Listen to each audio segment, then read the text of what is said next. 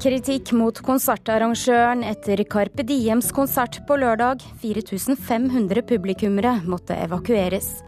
Nasjonalmuseet stenger for utlån av kunst i fire år. Museums-Norge frykter kvalitetsfall. Den norske artisten Ari er en av de som fikk mest omtale og lovord under helgens bylarm. Ja, dette er Kulturnytt, og mitt navn er Stine Tråholt. Det oppsto panikk under en konsert med Carpe Diem i Bergen da en person fra artistmiljøet kom seg inn på scenen og tømte et brannslukningsapparat utover publikum lørdag. Teltet med 4500 publikummere måtte tømmes. Nå er flere av de som var på konserten kritiske til evakueringen. Den mener de gikk altfor langsomt.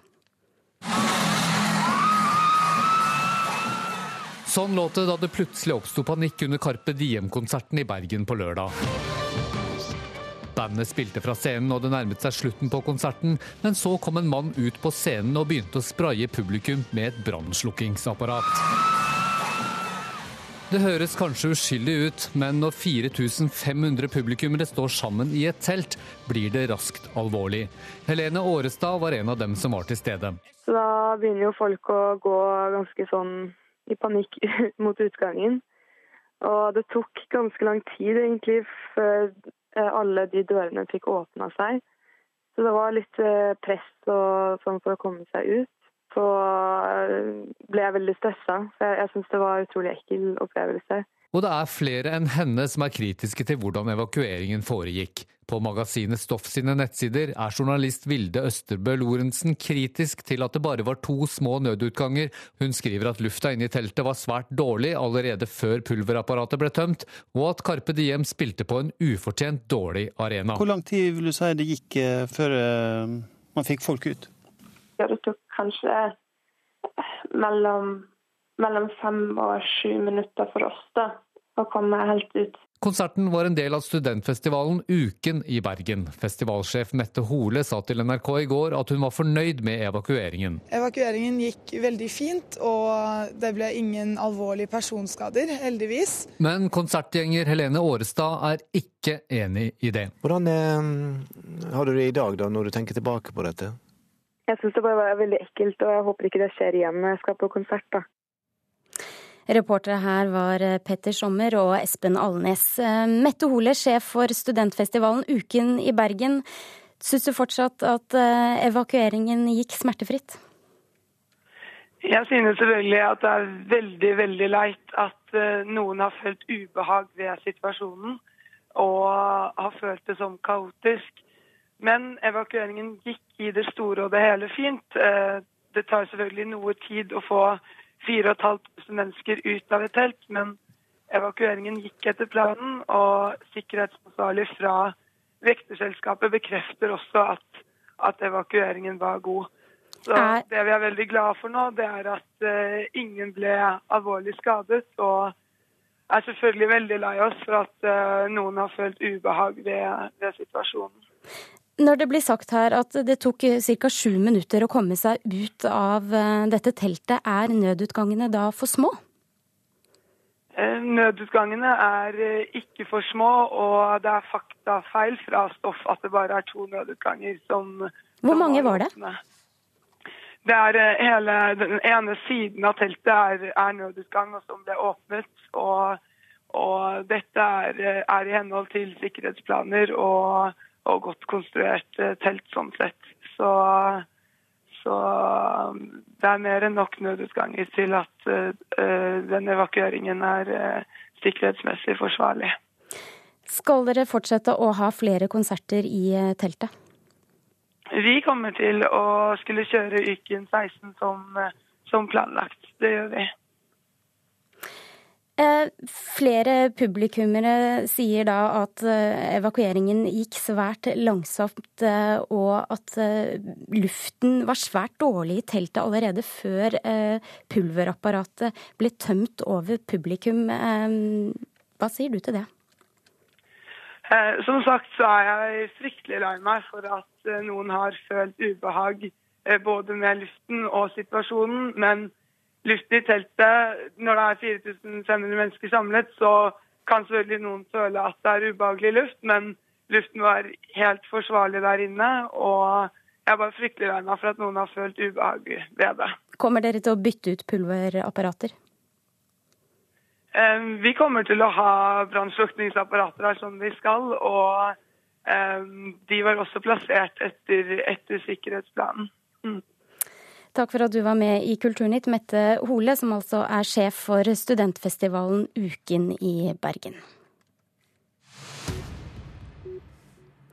Museums-Norge tror det vil bli dårligere kunstutstillinger over hele landet fordi Nasjonalmuseet nå stenger for utlån av kunstverk i fire år. I forbindelse med flytting til nytt bygg gikk fristen ut for nye utlånssøknader ut 1.3. I kjelleren på Nasjonalgalleriet i Oslo er direktør Audun Eckhoff alt i gang med å forberede flyttingen. Jeg tror det er en god stund siden dette er vist. Eh, stemmer ikke det, Thierry? Ja, det har vært nede i konservering et stund. En vifte surrer mellom murpussen. Museumsdirektøren bøyer seg fram. Et avkappet hode ligger i en kurv. Relativt uh, grotesk, kan man si. Gentileskis tidlige 1600-talls maleri av Judith og den drepte Holofrenes er et av de 100 000 verkene som skal med når Nasjonalmuseet nå flytter til nytt bygg på Vestbanen i Oslo. Direktør Eckhoff må bruke alle ressursene sine på den krevende flyttingen og nedprioritere andre oppgaver. Fristen for andre museer til å søke om kunstlån fram til det nye museet står ferdig om fire år, gikk derfor ut nå 1.3. Jeg tror de fleste institusjoner forstår de praktiske utfordringene Nasjonalmuseet nå står overfor. Sier Knut Gjøgodt, som forrige uke gikk av som direktør ved Nordnorsk kunstmuseum. Men jeg tror kanskje mange har problemer med å svelge at det er total utlånsstopp. Nasjonalmuseet lånte ut 230 kunstverk til andre museer i fjor, og de vil riktignok også kunne låne ut kunst de neste årene dersom søknaden ble innsendt før 1.3 og den blir godkjent. Problemet er tidshorisonten, poengterer Gjøgodt. Total utlånsstopp fra landets største uh, institusjon, landets største samling, vil by på utfordringer i de årene som kommer. De færreste mindre museer klarer å legge program for tre, fire, kanskje fem år inn i tiden, slik som de store institusjonene kan gjøre. Jeg kan jo se for meg at det kan bli en, en, en komplisert sak for, for, alle, og at det kan bli kunsttørke eh, over landet i, i en del av disse årene her. Direktør Tone Sinding Steinsvik ved Blåfarveverket i Buskerud er en av mange som har nytt godt av Nasjonalmuseet. I sommer som var, så var vi helt avhengig. Det var de fire bildene fra Nasjonalmuseet pluss noen til som var bar utstillingen. Og ved henne i Onsdag kunstsenter frykter direktør Tone Hansen å bli vingeklippet dersom de ikke får låne Jacob Weidemann-bilder til 50-årsjubileet om to år. Nasjonalmuseet har et stort ansvar for eh, hele landet. Det er ikke et nasjonalmuseum bare for Oslo, det er et nasjonalmuseum for hele Norge. Jeg tenker at Det ansvaret det er det nå eh, denne utlånsstoppen bidrar til å hjelpe oss med å oppfylle i det nye museet. Men eh, så er det en liten periode hvor vi er nødt til å innskrenke litt på virksomheten for å få dette museet til å fremstå som mest mulig eh, ferdig. Nasjonalmuseets direktør Audun Eckhoff sier det er en del av realiteten at det er viktig med langtidsplanlegging, og tror hans utlånsstopp vil føre til økt samarbeid mellom andre museer. Og Nå blir man kanskje ansporet til å tenke litt annerledes Vinne ansiktet mot eh, Bergen, mot Kristiansand, mot Trondheim osv., hvor de også har rike samlinger. Knut Gjøgodt mener likevel Nasjonalmuseet kunne gjort mer, f.eks. å sende en eller flere vandreutstillinger rundt om i landet de neste årene. Det vil jo da avhjelpe på det at man ikke får låne, og samtidig vil hele det norske folk få ta del i Nasjonalmuseets samlinger. Og Da er det slik at en slik turné vil innebære like mye arbeid som om vi skulle, skulle gjennomføre normal utlånsvirksomhet, så da går vinningen opp i spinningen. Reporter i denne saken, Gjermund Jappé. Kulturkommentator Agnes Moxnes, hvor alvorlig er denne utlånsstoppen for norske museer? Den er iallfall tydelig alvorlig for Museums-Norge, og den irriterer dem, rett og slett. Og så betyr det jo at de som går på kunstmuseum, om det nå er på Sørlandet, på Vestlandet, i Trondheim eller på Blåfargeverket, at de ikke altså at de kan hindres å få tilgang på det ypperste i norsk eh, kunsthistorie. For det som skjer nå, det er altså at Nasjonalmuseet sånn smått om senn skalker alle luker, fordi de skal inn i et nytt museum i 2020. Men det er jo, det går jo an å sammenligne med et annet statlig kontor som da dropper å gjøre en del av jobben sin fordi de konsentrerer seg om denne flyttingen. Men hvilket ansvar har egentlig Nasjonalmuseet når det gjelder eh, utstillinger til museer i resten av landet? De har et stort ansvar. altså Nasjonalmuseet de får ca. 60% av den statlige potten som årlig går til visuell kunst. Det er omtrent 300 millioner kroner i året. Og en av de oppgavene Nasjonalmuseet har påtatt seg, det er å formidle kunst til resten av Norge. Og det betyr, sånn som de liker å, å fremstille det selv, at de skal liksom være navet i norsk kunstformidling. Men det vi hører i denne reportasjen her, det er jo at det er, at det er en stor uro eh, i, over at Nasjonalmuseet nå ikke gjør den jobben de er pålagt. Og så er selvfølgelig spørsmålet om Nasjonalmuseet kan fristille seg selv, som de gjør nå, eh, fordi de skal gjennom en sånn enorm flytteprosess. Hva skjer med Nasjonalmuseet nå frem til det nye bygget skal stå klart? Det er altså da i 2020. Ja, Det slår liksom av strømmen sånn smått om senn. da. Utlånsstoppen ble innført nå 1.3. I høst så stenger de Kunstindustrimuseet. Neste år stenger Samtidskunstmuseet, og så skal da det nye museet åpne i 2020. Eh, samtidig så er det jo helt livsviktig for Nasjonalmuseet at de klarer å skape en stor entusiasme rundt dette nye museet som bygges eh, nå. Og i en slik eh, sammenheng, altså i entusiasmesammenhengen, så er nok ikke det å innføre en total lånestopp eller utlånsstopp kanskje det klokeste de har gjort. Tusen takk for det, kulturkommentator i NRK, Agnes Moxnes. Du hører nå på Kulturnytt, og klokken er kvart over åtte. Og dette er hovedsakene denne nyhetsmorgenen. Dropper du bilbeltet i bussen, kan du få 1500 kroner i gebyr. Nå skal passasjerene informeres. Til høsten kommer gebyrene. Nord-Korea truer med å angripe amerikanske og sørkoreanske mål med atomvåpen. Sør-Korea og USA starter i dag en felles militærøvelse som provoserer Nord-Korea. Nav må få mer makt til å hjelpe folk ut i jobb. Det mener Stefan Heggelund i Høyre. Han sier politikerne detaljstyrer Nav for mye.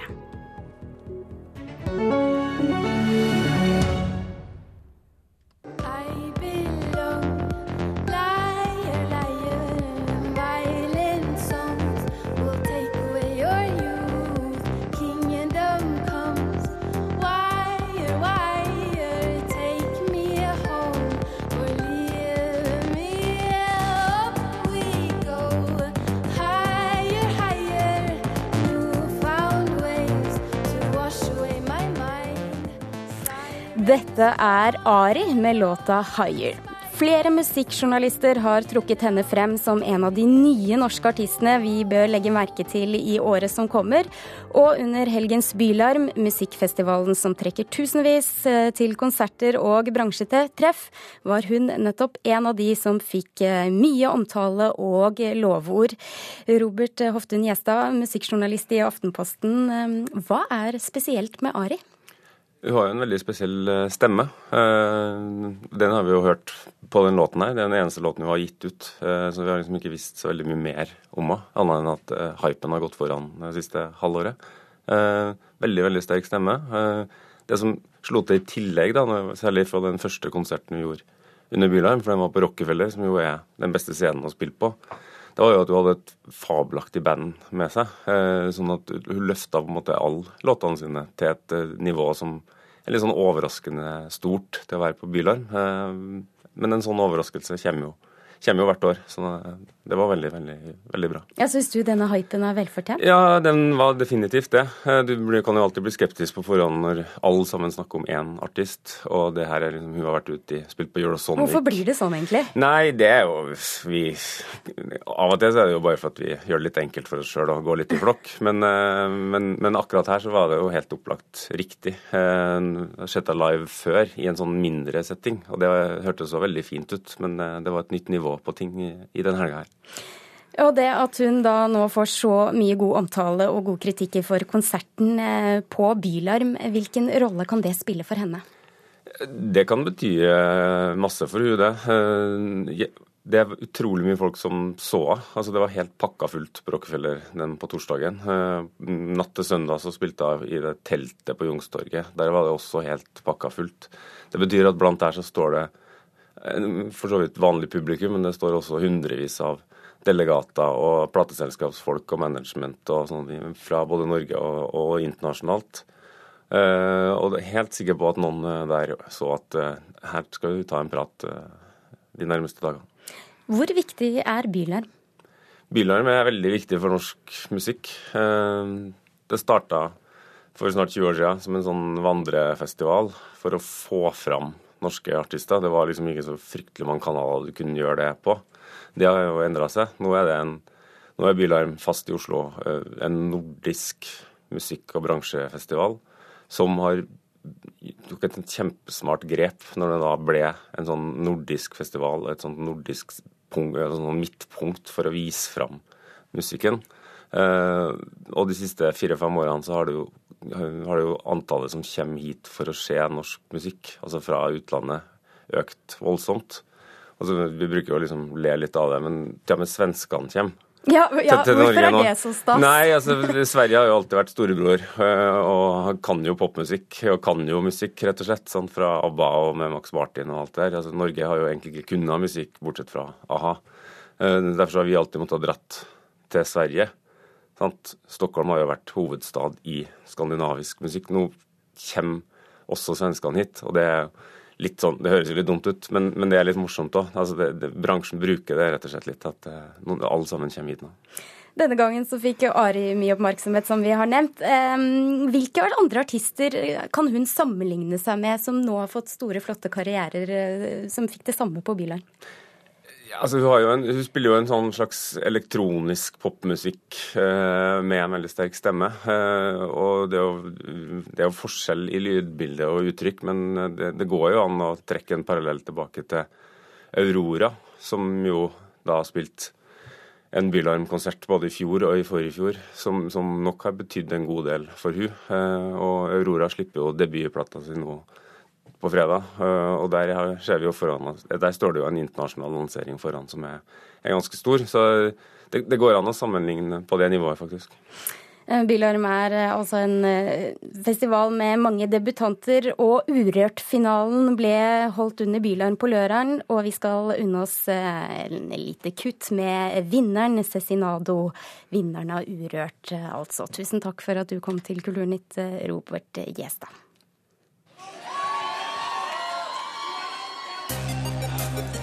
Wow. Tusen, tusen takk igjen. Hva skjer, kreps? Nei, og vi lever i en by der alt går litt for fort, men det er ingenting som skjer. Og jeg har dusja sikkert fire ganger bare siste døgnet, men jeg føler meg ikke ren. Nei. Og jeg sitter her og venter på at ymse parlament kan fortelle meg om hvor jeg skal fordele mine fargerike sedler. I lommeboka har jeg en vakker bukett kan bli din hvis du gjør livet mitt lett. Nei, for jeg er bare følelses... Hele tida slipper følelser løs. Jeg bare ser forbi et følelsesfjøs, men jeg holder min distanse Ja, det var altså Urørt-vineren Cezinado. Da skal vi snakke om Bibelen, for folk vet mye mer om Bibelen enn de tror. Det sier i hvert fall journalist og filmkritiker Jon Selås i VG. Nå debuterer han som forfatter med en bibelquizbok, men på kirkekontoret i Arendal må de likevel skjerpe sansene. Litt blanda drops. Karakteren Jules Winnefield, spilt av Samuel Jackson i kultfilmen Pulp Fiction, siterer Bibelen rett som det er. På kirkekontoret i Arendal tar de utfordringa og tester bibelkunnskapene i en uhøytidelig quiz. Nå ble det stille. Ja. Pulp Fiction har dere ikke sett. Altså. Nei. Spørsmåla henter de fra Jon Seløs bibelquizbok.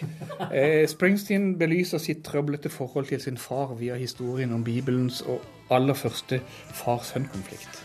Hvilken låt? Nei, dette, dette må vi skjerpe oss utrolig på. Adam raised the Cane.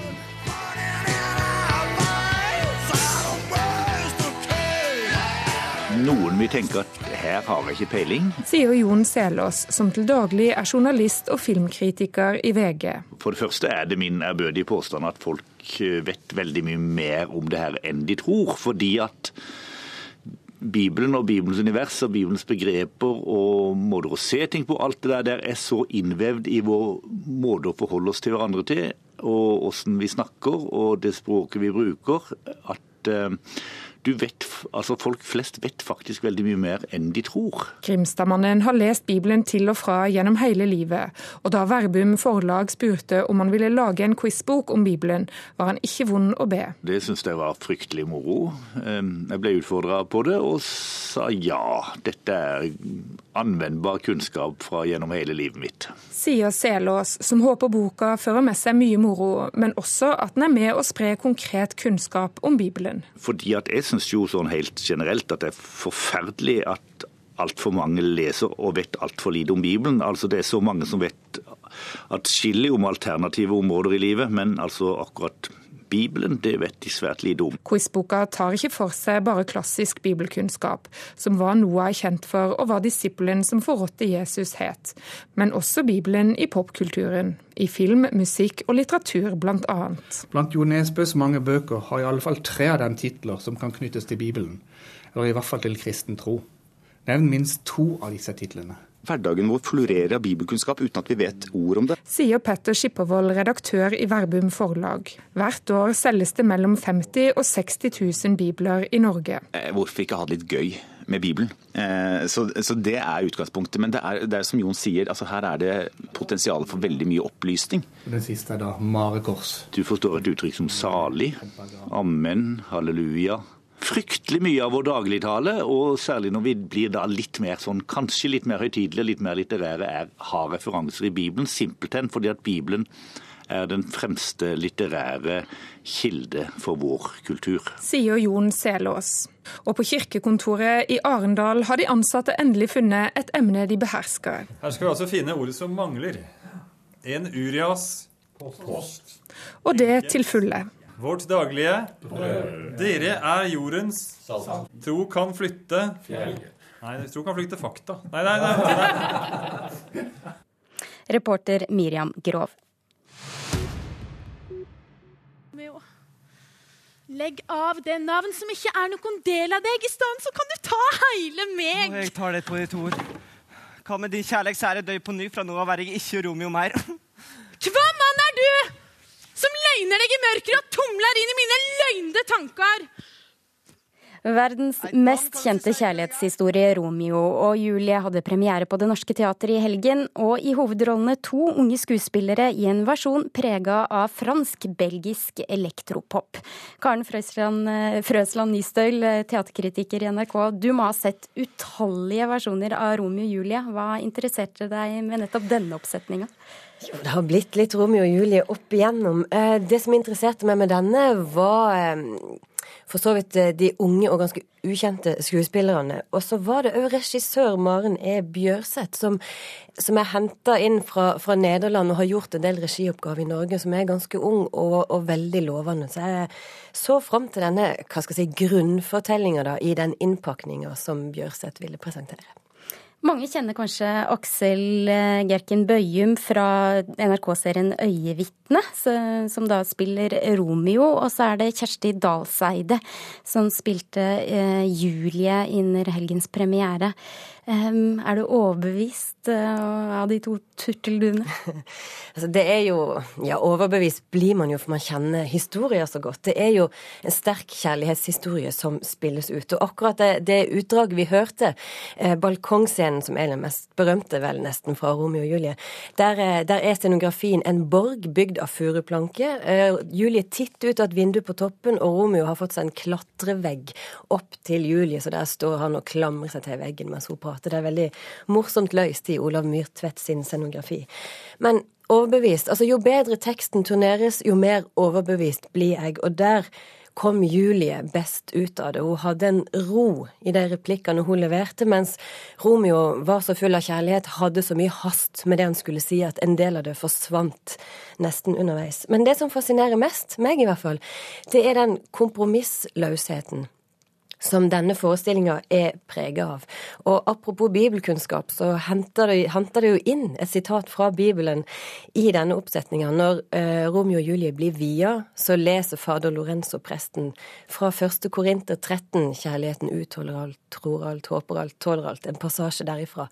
Og det understreker det alvoret Romeo og Julie går inn i sitt forhold med. Og det som òg da blir skjebnesvangert for dem så syns jeg det var ganske sterkt at Julies mor er en eh, så sterk skikkelse her. Hun blir nesten utløsende faktor for at de velger å ta ja, og ende livene sine sånn som, sånn som, de gjør. Og det er en del gode biroller her òg. Det er en flott visuell innpakning.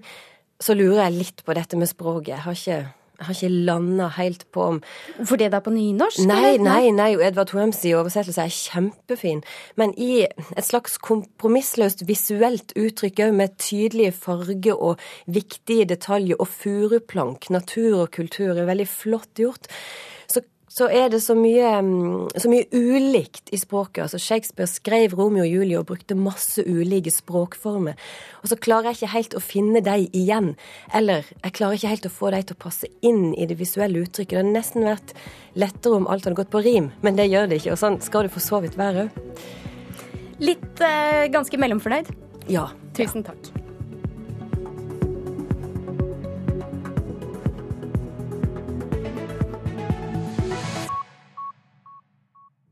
Kulturhuset i NRK P2.